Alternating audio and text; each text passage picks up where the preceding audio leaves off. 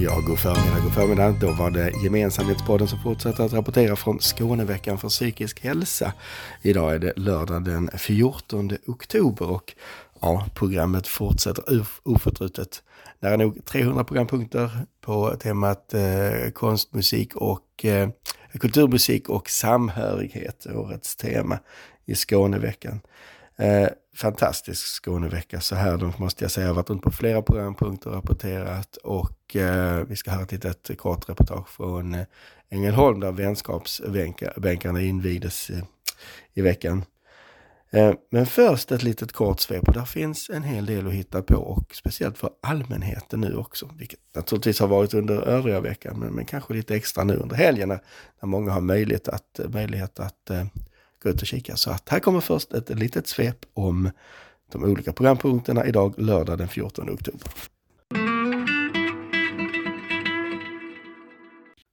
Mm, varför inte börja dagen med en vandring med alpackor på Åstorpsgården i Barsebäck. Långsamt och på alpackornas villkor. En åldersgräns på åtta år där. Musik och kultur som recept, ja det får man i ett samtal om psykisk hälsa. Där man också har möjlighet att ställa frågor på föreningscentret eh, Nobel 21 i Malmö. AI och GPT, eh, ChatGPT har vi pratat om tidigare i veckan och eh, det verkar vara väldigt hett även i den här kontexten. Och en workshop eh, där världen av artificiell intelligens utforskas blir det i Simrishamn idag lördag klockan 11, mellan 11 och 14. På biblioteket i Simrishamn.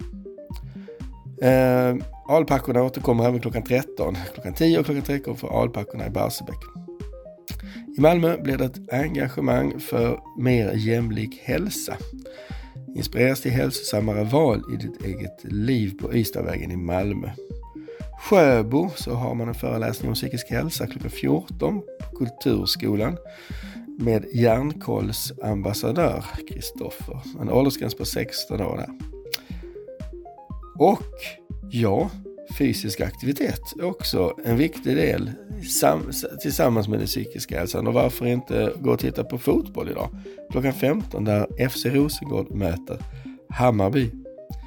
En fotbollsmatch med Tim Berling Foundation som matchvärd.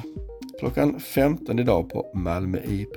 FC Rosengård möter Bayern. Och det var det här svepet lördagen den 14 oktober.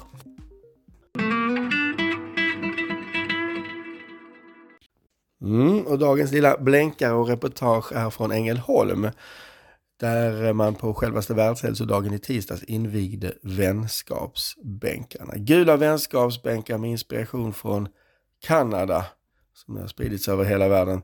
Eh, som helt enkelt handlar om att ja, få igång ett samtal kring, kring vikten utav, eh, utav psykisk hälsa, socialt välbefinnande och hälsa. Eh, och då med fokus på eh, ofrivillig ensamhet, eller snarare gemenskap. Alltså för ensamheten det är ju själva utmaningen, men börtillståndet är ju gemenskap och samhörighet för alla. Eh, och det är det man vill visa med de här bänkarna som nu, 50 antalet, som kommer att eh, skickas ut på olika platser i Ängelholms eh, kommun. Eh, invigde gjorde kommundirektör Kristina Magnusson eh, tillsammans med eh, Dansfabriken under en hel eftermiddag där även föreningarna var med. Eh, vi ska höra Kristina Magnusson, kommundirektör i Ängelholms kommun, eh, om detta. Ja, då så, då var det gjort. Invigning av vänskapsbänkarna i Ängelholms kommun. Fullständigt helregn, men det spelar ingen roll för nu är det gjort. Nu uppmärksammar vi den här eh, viktiga frågan. Kristina Magnusson, eh, kommunchef, eh, kommundirektör i, i, i Ängelholms kommun. Sportfrågan, hur känns det? Jo, det känns helt fantastiskt att även vi får dessa vänskapsbänkar. Egentligen är det ledsamt att det ska behövas vara gula bänkar men de här är så, signalerar verkligen att man kan sitta ner, prata med någon och att det är helt okej okay att göra det. Just det, och det är liksom signalvärdet är ju lika viktigt som att det faktiskt blir av, men just att visa på att det är okej. Okay. att ha sig mod att våga sätta sig. Men det är också viktigt när man sätter sig på bänken så får man vara beredd att stanna kvar och fullfölja sitt samtal. Kanske inte hur länge som helst, men i varje fall inte bara gå för det är inte okej okay, kan jag tycka. Utan var lite med, ge några minuter av sitt egna liv för att vara lite medmänsklig. Det är en fantastisk tanke och jag tänker så här, eh, kommer det att ske några aktiviteter kring bänkarna för att få tillstånd faktiskt att det händer något? Nej, men vi pratar precis om det om vi ska, när vi sätter ut dem om vi ska göra någonting för att så det blir någon del i vardagen så det inte blir något. Som, alltså, risken är ju att man blir rädd för att sätta sig där men att vi kanske ska pusha det ännu mer och lägga det på sociala medier och jag kan gärna göra en film om det och, så vi liksom marknadsför det. Och vet du vad? Jag har precis hållit en föreläsning här nu om ensamhet och eh, det som vi kommer att prata om väldigt mycket kring efteråt det var att nu allihopa som var där, men nu måste vi göra någonting kring de här bänkarna. Så att nu, jag ska inte säga att vi har bestämt men eh, jag krokar med kommunen med en annan förening som sa men nu gör vi det här tillsammans. Nu ska vi se till såklart att vi tar ut en rejäl kaffehurra.